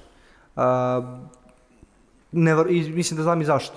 Mislim, uh, koliko god mi, mi radimo uglavnom mahom za brendove, za korporacije i tako dalje, ali svako ko ikada probao da ispriča bilo koju priču zna da ljude najviše interesuju priče o ljudima. Tako je, da. I tu priču zaista neko i želi da čuje.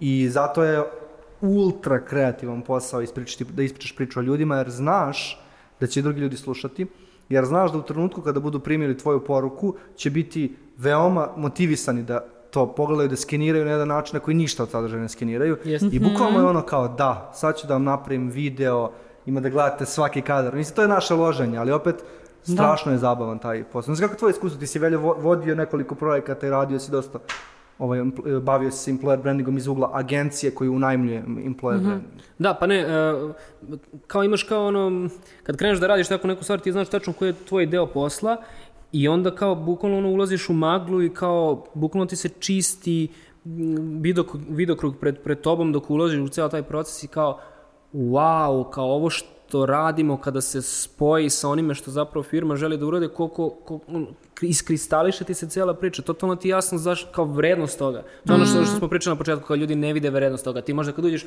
ja pa treba da radimo neki projekat kao employer branding, pa šta je to tačno? Ma nemam pojma nešto. I onda kad uđeš u cijelo, u cijelu tu priču, kad uđeš u projekat i kad vidiš kao ono što ste vi kreirali, kreirali ste sa nekim smislom, postavili ste strategiju i dolazite do nekih ljudi kako, kako se menja percepcija tih ljudi, jednostavno ta firma više nije evo, na primjer, Morf, nije call centar, to je ona firma za koju svi misle da je call centar zapravo nešto mnogo bolje. Kad se, kad se, kad se pozicionira firma tako, to je to nije slučajno. To je neko, Sećate neko se je radio na primjera za kako se oni zovu, Hulu ili Hulu, Mhm, Hulu, Hulu, da. Oni su meni jako zanimljiv case zato što su Mhm. u trenutku prezasićenosti IT tržišta i employer brandinga izašli s nečim što na papiru zvuči kao loša ideja. Meni barem. Kao, mi ja ne znam šta je, pa Mi ćemo sad da priču. izađemo i mi ćemo pričamo o tome da tražimo matorog programera. To nije Da. tako počelo ja, baš. znam, znam. Doveli su ga na jednu Znam. konferenciju, bila predivna. Da, znam, tačno, da, da. I kao, kome je to zanimljivo? What? Baš je cringy. Naravno, da se ispravim odmah, fantastično je. Meni, ti ćeš mi reći, interesuje me tvoje mišljenje, ali meni je Mhm. fantastično sve što oni rade. Mislim da su strašno neobični u svojoj komunikaciji, ono, konzistentni, uspevaju da drže jednu istu nit neko vreme, jako dobro grade na tim osnovama, jako dobro šire tu priču kroz merch, kroz, sada ne gnjavim, Da. ali oni su se pojavili i rekli mi tražimo maturog programera, ništa, nema ništa ovde seksi, ako tražite nešto seksi idite negdje druge. I u stvari su svi bili u fazonu, čekaj brate, što oni ovo veliko ovo pričaju, kao daj da vidim u čemu je fora. I to je privuklo pažnju, čini mi se, da je baš onako distraptovalo, Jeste. u malom smislu distraptovalo tržište. Jeste, meni je mnogo drago što se to desilo, zato Mhm. što kao konačno nešto drugačije, neki drugačiji pristup. A, i, I srećom osnivača kompanije poznajem, sjajan je lik a, i neverovatno je posvećen svom poslu i puno, puno stvari zna o employer brandingu, iako je kao ono na papiru CEO i uglavnom se bavi, pro- mislim kao background mu je u programiranju. Ovaj, a, ta kampanja jeste, mislim, to nije samo jedna kampanja, to je kao mnogo nekih stvari koje su oni radili. A, jeste bilo ekstremno zanimljivo, ovaj, a, čak i ova konferencija koju sam ja organizovala, HipCon, Ovaj, oni su te godine uh, nastupili tako što su brandirali uh, toalet. Što je kao bilo, wow, ti uđeš kao, uđeš kao toalet, imaš ono izbrandiran, ne znam, uh, ogledalo, uh, pustili su muziku, tamo si mogu da zameniš majicu, pošto delili majice, pa ako imaš uh, drugu veličinu možeš da promeniš. Kod njih je bila kao neka opuštena atmosfera, u tom trenutku su oni želi to da iskomuniciraju i zaista su uspeli, kao ljudi su bili u fazonu, da li je realno što se ovo dešava. Ovaj, a, meni je to genijalno prvo zato što je vrlo hrabro, drugačije je. A, i a, zahtevalo je neku, neki određeni pristup koji nije kod nas ono, norma, ni- nije nešto što se do sada dešavalo. Tako da zbog toga ih puno poštujem. Na kraju nisam sigurna, čini mi se da sam negde pročitala, ali zaista ne bih voljela sada da tvrdim to, nisam sigurna koliko su dobili rezultata od, od toga. Znači kao ja nisam siguran da mi overall- je to bilo bitno, iskren da budem. tako, tako, sad zavisi naravno kako to gledaš, ali u, moja, moja percepcija bi bila da, ok, uh, zaposlili smo ljude koje smo želeli u nekom trenutku, nebitno, ne možda sada, možda naredne godine, za dve godine, uh, to bi po mom mišljenju trebalo da bude cilj, da kao ljudi koji su sličnog vajba, slične energije, njih je to privuklo. E sad, šta se nakon toga desilo, ja ne znam, ali ono što je meni ekstremno interesantno jeste što su oni dobili i nagradu na kaktusu, jer kao nijedna IT firma ranije to nije uradila, meni je to bilo wow, meni je to veliki respekt. Ovaj, I pokazali su da zaista kao tim drugačijim pristupom i da zaista ono malo, malo više hrabrosti možda napravi veliku razliku. I meni se mnogo dopada što se desilo taj, ta ono, povezanost između uh, marketing, advertising industrije i IT-a. To se stvarno ranije nikada nije desilo, bar da ja znam. To je, da. to je baš... Sve više se dešava, ali ranije se baš Aha. retko dešavalo. To je delimično uvodi u moje naredno pitanje, s obzirom da kao postavljamo strategiju, to jest kao ti kao employer branding stručnjak kažeš ok, ajde treba da se postavi sad strategija uh, u kompaniju u kojoj radim, to su uglavnom velike korporacije, ali tako, one imaju i kapaciteta i budžeta da to sprovedu kako treba. Dobro, E sad, ne rade samo velike korporacije, nećemo da budemo isključivi. tu dolaze, na primjer, i uh, agencije, odnosno kao uh, male agencije ili manje agencije poput nas. Koja je naša uloga u tom celom procesu? S obzirom da jeste, mi smo sarađivali, radili smo uh, i, i, employer branding projekte i za Morf, i za, koji nije korporacija, da, da, da se Da, ispravim, da, nije. I, i za Cuke, i, I za... za Upcrafters koji je firma od eh, 20-15 Da. ljudi iz Čačka. Vrh. I kao ti kada kao employer branding eh, manager pristupaš postavci strategije, eh, ti unapred znaš, ok, meni će trebati pomoć, odnosno bit će potrebno da sarađujem sa nekom kreativnom agencijom na određenom nivou. Koja je tu tačno uloga? Uh Mhm. -huh. Je li uopšte, kao koliko je bitan taj odnos između agencije i između eh, korporacije koja, ili firme koja hoće da isprovede MB Da. strategiju? Uh, pa, ekstremno je bitan, jer kao od toga ti zavisi da li ćeš uraditi zaista to što si želeo ili ne, i kao bukvalno na tom nivou, kao da li grešimo ili ne grešimo.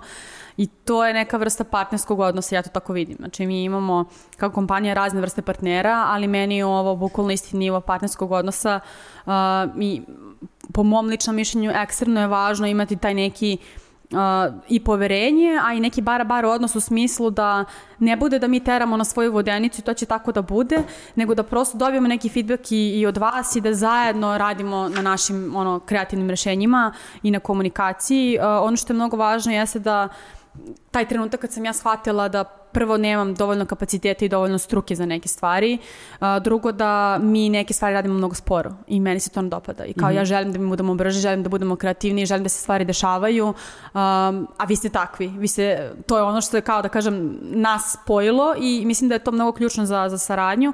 Uh, i s druge strane naravno posljednje tih nekih očekivanja u smislu uh, nas u kompaniji, kao šta će nama ovo partnerstvo doneti. Mm -hmm. Da li je to nešto u kom pravcu želimo da idemo ili ne.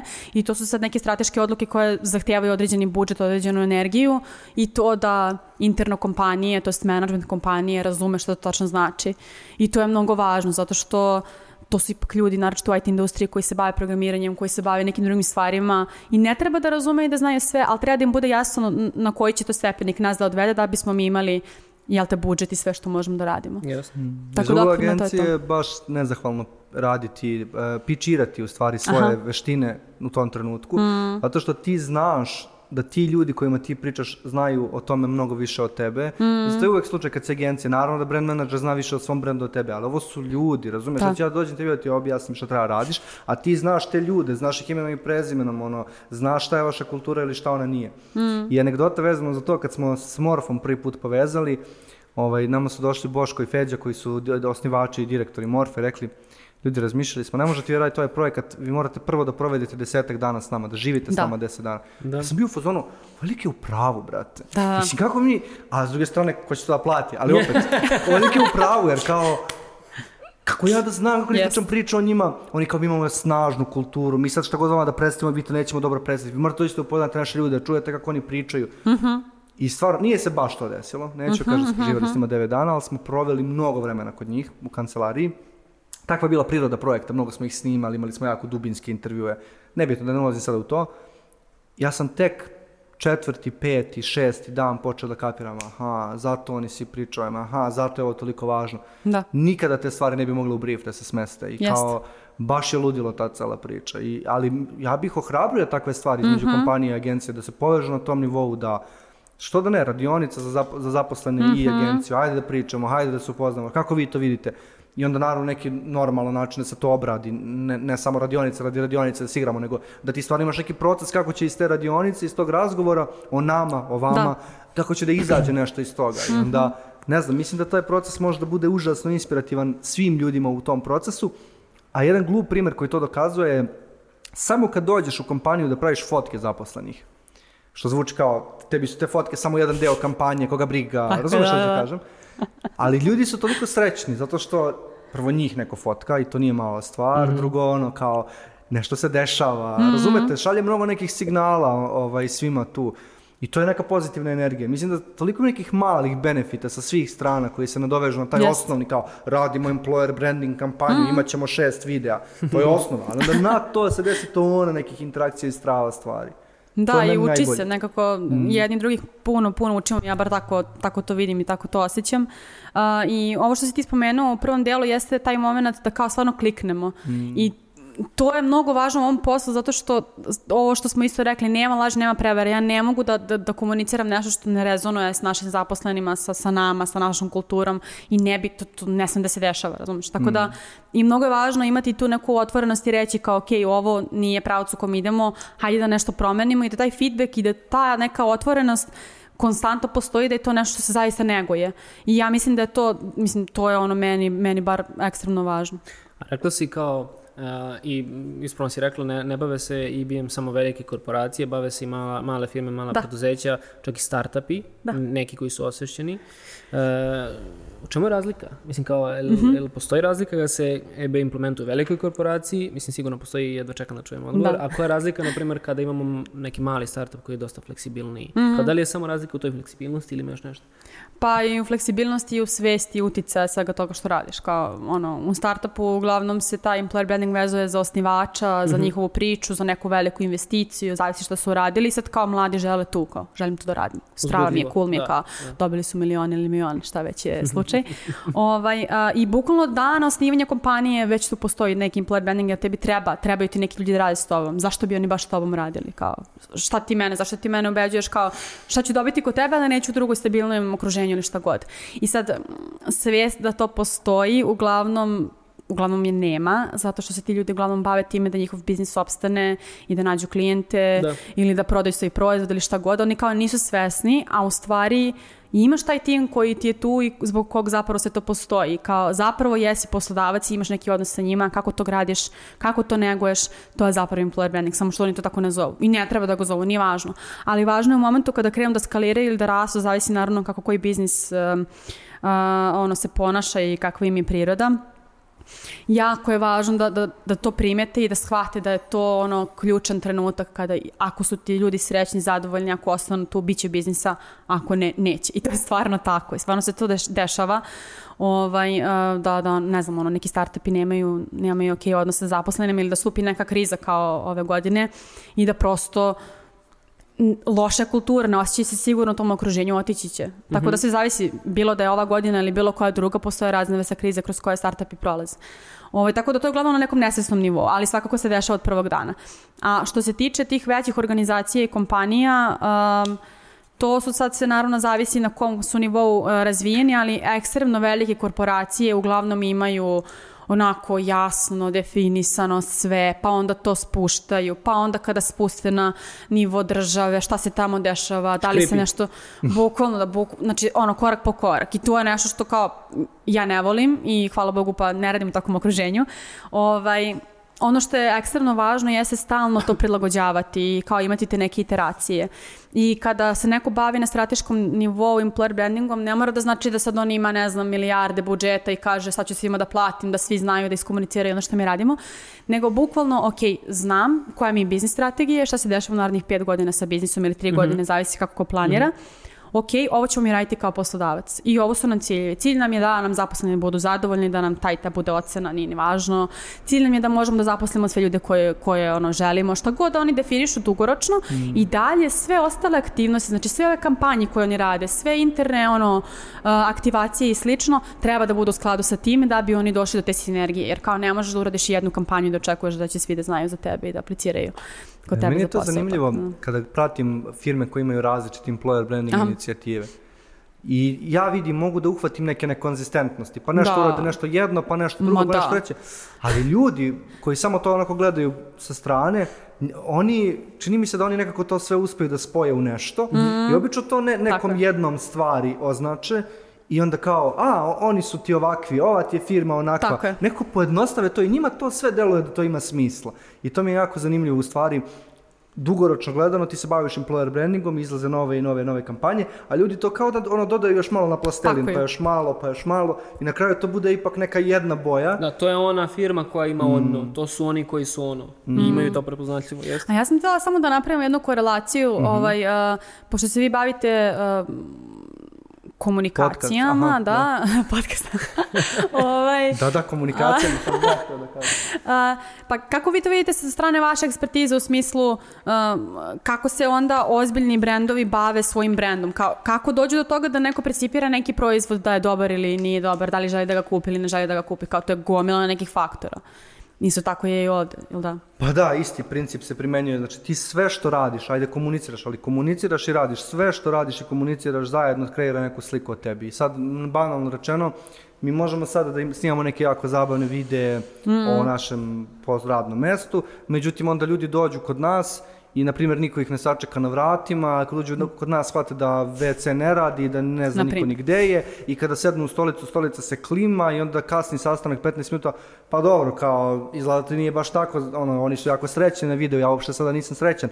E, tako isto brendovi, znači ti sad možda pričaš ne znam šta, ali neko kupi sok pa se teško otvara flaša, pa nije isti ukus na početku i kraju flaše. Razumete što hoću da kažem? Znači sve te stvari koje, koje kompanija komunicira i koje radi, grade, dugoročno grade tu Tako je. neku sliku koja se, ono, taj neki, ono, bukvalno ja to znači, zamišljam kao neki patchwork, nije to ni toliko smisleno, nego onako sve na gomilu i ti u stvari kako se hvataš u koštac, u koštac s tim, pa onako kako si ti isto opisala u employer brandingu. Prvo probaš da uradiš audit, da identifikuješ šta sve u stvari postoji u svesti ljudi i onda hajde vidimo koje su konkretne Tako inicijative, kako možemo da utičemo na ovu, ovu i ovu stvar. Aha, ok, imat ćemo seriju videa da objasnimo ljudima da mi ipak imamo WC. Aha, promenit ćemo kako izgledaju naši oglasi, jer očigledno ovo ne funkcioniše, dolaze nam previše mladi ljudi, bla, bla, bla, bla, bla. I Tako onda, uh, holistički je u stvari odgovor, ne kroz jednu stvar. Tako da to bi bilo to. Znaš I nema, me- izvini, nema mnogo razlike da radiš za sok i za To, to, to sam htjela IT kompaniju. da. Pa nema, da. Nema mnogo, osim što ovdje imaš dodatan taj, to su ljudi, nije toliko Mm. abstraktno, imaš tu dodatnu odgovornost, nekako moraš da budeš iskren Jeste. prema tom radu. Ne kažem da nisi iskren prema soku, ali ni- ne stoji ti. Da ću jedan primjer, recimo mi kada izbacimo neki oglas za žišku ili bilo šta i kao bude, pr- bude cool to i ljudi reaguju na to. Moja prva misao je druga, prva je cool, drago mi je, druga misao je, brate, je li ovo istina? Da. Da. Bukvalno svako okrenem oko sebe i kao, je li ovo stvarno istina? Jer ako nije, ja nisam konforan sa ovim. Ne želim da budemo cool ako nismo cool. Ili ne želim da imamo jako cool video u trenutku da nam plače pola kancelarije jer je sranje raditi ovdje, razumeš? I bukvalno zbog toga, to ne može sok, važno. je ono kao radiš sok, na primjer ili bilo koji proizvod i znaš kao to je neka abstraktna stvar, postoji neki marketing plan, razumete, ne postoji u realnom životu nešto Tako što te odvraća od ideja koje imaš, tako da Ovo je još malo dinamičnije, to je još kao dodatan faktor. Jeste, Upravo. jeste, od, odgovoran, nije odgovoran, nego osjećaš ti ličnu odgovornost, a i da, dinamično, jer to su živi ljudi, svi znamo koliko je to kompleksna stvar. Dobro, i postoje ti kao veliki brendovi, postoje velike korporacije, one kao, kao što smo rekli, to se dugo spuštaš, krip i sve. I, ali se to nekako ne utiče na njih puno, a, ne vidi se koja kriza može da se desi iz toga i onda se desi kriza, desi se kao situacija sa koronom, kao što se desila i a, zaista promeni način na koji ljudi pre svega rade, na koji gledaju na posao, a i prinudi firme da m- se promene da bi uopšte kao privukle nove ljude. Šta se dešava kada se desi krizna situacija kao ova bez presedana, na primjer, kako se, kako se promeni pristup zapošljavanju, e, Pa do- možda možemo i baš da konkretizujemo, kažemo šta je korona uradila employer brandingu. šta je korona uradila? Panika, kao i svuda. E kao, pa da, Ovaj. employer branding više zapravo ne postoji, to sam zaboravila da vam kažem, zbog korone smo prekinuli s tim. Jeste, da. Ovaj, em, veliki test, pre svega. A, drugo, onda vidiš koliko je zapravo pravi biznis, core biznis bilo koje kompanije povezan sa time, ono, šta se dešava u HR-u, šta se dešava u employer brandingu, koliko ti možeš ljudima da obezbediš ili ne možeš da im obezbediš neko, be- ono, neko okruženje da oni mogu da rade. Ovaj, tako da to je ono da kažem jedan veliki test. A, drugo, a, ja mislim da ne može nužno svaka kompanija da pregura krizu i to je kao normalno i ako ima ogromnu krizu i ako ne može da, da više čuva sve te ljude koje, koji su bili tu, na jako lep način i ako je kultura, oni mogu da ih puste i to je Airbnb uradio, ne znam da ste ispratili. Da, da. Ovaj, bilo je neko jako emotivno i, i lepo pismo CEO-a koji su posle svakako i objavili javno da vide ljudi šta se dešava jer stvarno jako puno ljudi izgubilo uh, posao i u bookingu i ne znam svim tim sličnim ono, industrijama koje su direktno bile uh, pogođene. Tako da uh, kada dođe do tih trenutaka uh, kakva ti je kultura u kompaniji će ti zapravo ono isplivaće ti kako će ljudi reagovati i na krizu i šta će uraditi i šta će se desiti u biznisu i kao koje akcije će tebi, to jest koliko će tebi energije biti potrebno da ti održiš taj neki sistem koji je dalje ono ranije postojao. Um, tako da rekla bih da onako veliki, veliki test. Naravno, pojavilo se puno nekih novih trendova, puno nekih novih stvari, apsolutno digitalizacija svega, od toga kako potpisuješ ugovor, do toga kako radiš intervju, kako radiš onboarding ljudi koji kao nikada nisu bili u kancelariji. Tako da mislim da je potrebno puno, puno kreative.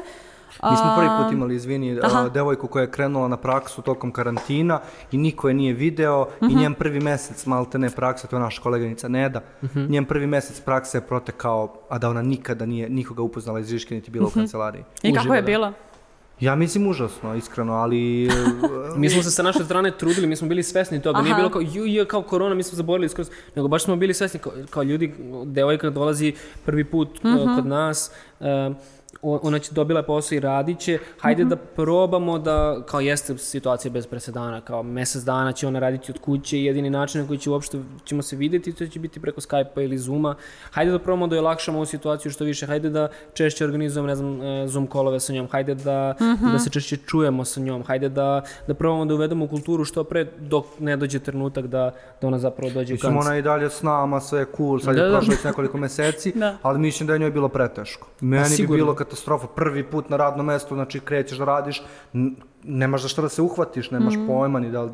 Jeste. Ba, baš je weird, iskreno. Čak i ono kao jednostavni, jednostavne stvari koje radiš prvi dan, to je kao hej, ovde je naš studio, hej, ovde je kao WC, hej, ovde pijemo kafu, toga nije bilo. Da, bilo da. samo kao probudiš se i upališ komp i kao radiš, a zapravo si nova u svemu tome. Jeste bilo baš, siguran sam da je bilo zeznuto. Ali nije samo to, nego sad kada većina ljudi prelazi da radi remote ili nešto hibridno, polu remote, moj neki kao strah, nešto o čemu sam razmišljao, kao pa ljudi ako budu radili od kuće, zaboravit će sve neke cool stvari koje nas povezuju, to je prva misao. Da. A onda druga misao, ne, ne, naći ćemo neke web alternative i onda treća misao, ali to će biti nešto drugo, neće biti to. I onda kao dobro, to je realnost, ajde sad da vidimo kako. Da. I pokušavamo i mi nešto kao, evo pričam iz našeg primjera, da se prilagodimo tako što imamo puno nekih zajedničkih aktivnosti, m, dva puta nedelju imamo samo taj neki status gde nešto pričamo o stvarima, bla bla bla. I cool je to, ali ovaj, ali iskreno ja sam zabrinut zbog toga. Nisam siguran gde će to da nas odvede. I mislim da je to ono kao, mislim da je mnogo teže raditi employer branding u virtualnom svetu.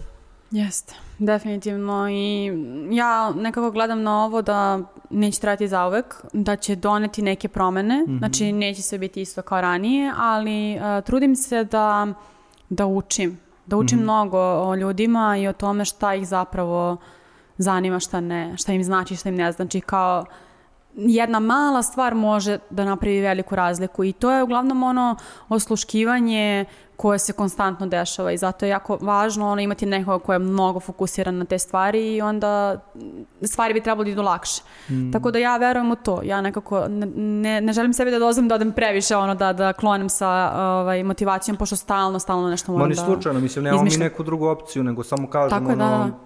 Morat ćemo da reinventujemo neke stvari. Mm, na primjer, mentalno zdravlje je jedna tema koja je isplivala sada zbog svega ovoga. Da. I kao meni je nevjerovatno da mora da se desi velika kriza da ljudi krenu time da se bave. Meni je to bilo A znaš baš za kao koliko šok. stvari znaš. smo tako rekli? Mislim, Pa jeste, veruješ. da. Ali mentalno zdravlje, ekstremno bitna tema. Mi smo imali nekoliko epizoda podcasta, neke su se vrlo direktno Mhm. bavile mentalnim zdravljem i imali smo sa klijentima određenim sessione gde smo ovaj, prezentovali njima objaš, pokušali smo da im objasnimo zašto je mentalno zdravlje tema kojom će se svi baviti i kako oni mogu, iako Mhm. su brand koji na prvu loptu ne bi vezivao za mentalno zdravlje, koja je Super. njihova koji je njihov ugao u toj temi. I to je, čini mi se, svima bilo baš inspirativno. I onda neki brendovi koji vam ne bi palo na pamet, tipa Manchmelo je našao svoj način da se bavi mentalnim zdravljem kroz podršku roditeljima koji su ostali sami sa decom, to jest zatvoreni sa decom u trenutku krize, pa kao evo kako možete. To je opet neko bavljenje mentalnim zdravljem, nije, Zdravo. a, ne mora da bude jako ozbiljno da bi bilo a, to. Ali to je jedna tema, druga tema rad od kuće, produktivnost, da li opada, raste, to je toliko nejasno ljudima. Znaš, a, e, sjećam se u početku, svi kao raste produktivnost, sve, produ- sve sam produktivniji, pa onda odjednom, u, ne raste, ne raste, Tako je, opada. da. Znaš, kao kako se nositi sa svim tim? Pa za početak, hajde da osvestimo svi da Tako je. nam jako varira motivacija i da ima dobrih i loših dana. Onda to je neki početak, aha, znači ovo je dozvoljena tema, jel tako, da se priča o tome.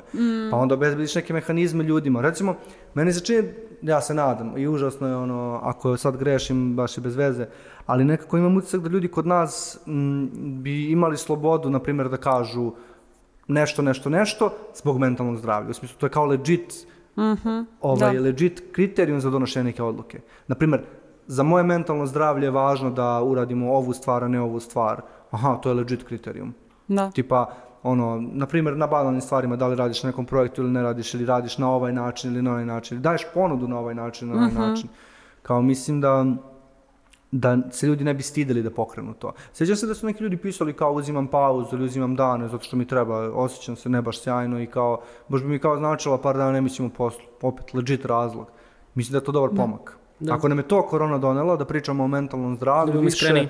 strava, hvala, to je dobra stvar, ono, ajde vidimo šta još možemo da izvučemo iz toga. Jeste. slažem Hajde da završimo o, na high note, kao da, da, da imamo nešto, ovaj, e, da malo popravimo raspoloženje. E, mene baš zanima, ok, ljudi koji su, slušali, koji su nas slušali do sada, Mhm. Kod verovatno ih zanima ovo o čemu pričamo, ali employer branding kao nova tema, nova, novi topik kao generalno u svijetu, Mhm. pogotovo u Srbiji, e, sigurno se ne uči na, na fakultetu baš još u nekoj Ne. punoj meri, niti kao postoje neke, bar ne da znamo, Mhm. puno radionica, gde, gde mogu ljudi da se edukuju? Ili imaš ti kao neki stručnjak, ili imaš ti neke savete, ili imaš ti neke kurseve, ili imaš Mhm. negde neko mesto gde bi poslali ljude koji se interesuju za employer branding? Da, definitivno. Ja se time stalno bavim. Bukvalno svaki dan istražujem šta novo može da se nauči. A, da, pa ja pišem taj svoj blog, eto, već jednu godinu i po dana. Kako se, svakako ćemo linkovati Cat on coffee. Ja. Cat on Evo Coffee. piju kafu, to je to, to je bio zadatak. ovaj, da, tamo zaista pišem uh, sva neka svoja iskustva, savete, Mhm. Uh, predviđam neke stvari, kao tumačim neke stvari, ne mogu baš da predvidim sve. Ovaj, tako da definitivno je to neka moja mala oaza gde delim sve kroz što sam prošla i što zaista mislim da ljudima može da pomogne. Mhm. A, trenutno kod nas ja mislim da nema baš ni jedna ona konkretna a, neka radionica, postoje razne akademije koje su online. Naravno, ukoliko ljudima to odgovara, uvek mogu da probaju. A, ja planiram ove godine da pustim taj neki svoj prvi basic kurs, ovaj, a, koji bi trebalo ljudima da pomogne da onako zdravo krenu od osnova. Znači da se manu svih ovih priča, svega što su slušali do sada i čitali ili pretpostavljali i da imaju onako zdrave osnove da mogu a, da mogu da krenu da se bave ovim Hoće stvarima. biti video kurs? Kakav Da, da, biti bit će, uh, bit će online kurs, bit će na platformi, uh, imat će moju potpunu podršku i ideja mi je da bukvalno ono, samo krenemo sa basic stvarima i da onda nakon toga mogu da, mogu da rade u shodno svojim mogućnostima dalje što žele ili strategiju ili da, da se još razvijaju i slično. će ljudi to mo- moći da isprate, jel? Pa da, na mom sajtu uh, objavit ću to, nadam se, ako sve bude po planu, a, početkom oktobra. A, treba da uđem sad u snimanje, radila sam razna neka testiranja sa ljudima da vidim šta im zapravo treba. Kao ne želim da pravim kurs koji nikome ne treba. ovaj, a, tako da to je zaista jedno veliko putovanje za mene. Nadam se da će našem tržištu pomoći, jer zaista vidim veliki potencijal u tome i mislim da naši poslodavci stvarno puno toga nude, a da da nemaju neki, još uvijek nisu pronašli neki način da to strukturiraju ili da iskomuniciraju. Ja ne mogu da zamislim nikoga ko, ovaj, čiji, čiji bih volao da čujem priču više nego tvoju na ovu temu. Hvala. Ja sam dosta naučio od tebe, što tebi možda nikad ne bi palo na pamet, ali samo pratići tvoje objave na društvenim mrežama i Mhm. blog. Ne nužno o employer brandingu, nego ja maznem neki koncept, nešto što sam čuo, nešto što pročitam i onda to, to preoblikujem, tako da mislim da će to biti baš, baš strava. I baš mi je drago da si se odlučila na taj korak, jer mogu da zamislim neku verziju tebe koja bi odlučila kao, a bolje da ipak ja to ne radim. a- Da. a, tako da super mi je što si hrabar i što uraditi. Ja da čekam, iskreno. Hvala. Cool. Um, to je to što se tiče podcasta, mislim da smo pokrili većinu tema. Ništa, stavit ćemo u opis podcasta tvoje ono, Tako je. kontakte za ljude koje ova tema dodatno interesuje. Slobodno neka mi se jave. Šta Tako god je. da treba. U komentarima možete slobodno pišite opet kako koristimo mnogo pozemljenica, to je tuđica, šta god, e, I kako ovaj pipamo barbarizam, ja smo lice. pričali, pa ja mislim da nismo pričali puno, da nismo koristili puno engleskih reči. Uh, jesmo. Verujem, ja sam sad već Did izoštrio. we? izoštrio sam, pošto mnogo, mnogo često pijemo tu kritiku, ali eto, možete da napišete u komentarima kako vam se ovo zvučalo, jeste skapirali konačno šta je employer branding, kako vam Nadam to jesam. ono kao sve deluje. Uh, tebi hvala na razgovoru, iskreno ja sam baš, baš uživao, ovo mi je možda i omiljena epizoda podcasta. Strava. Boga mi, ja mislim da smo došli... Uh, ikada. Ne, ozbiljno, baš je bio dobar razgovor, thanks. Hvala vam na pozivu, zaista mi je čast što sam ovde.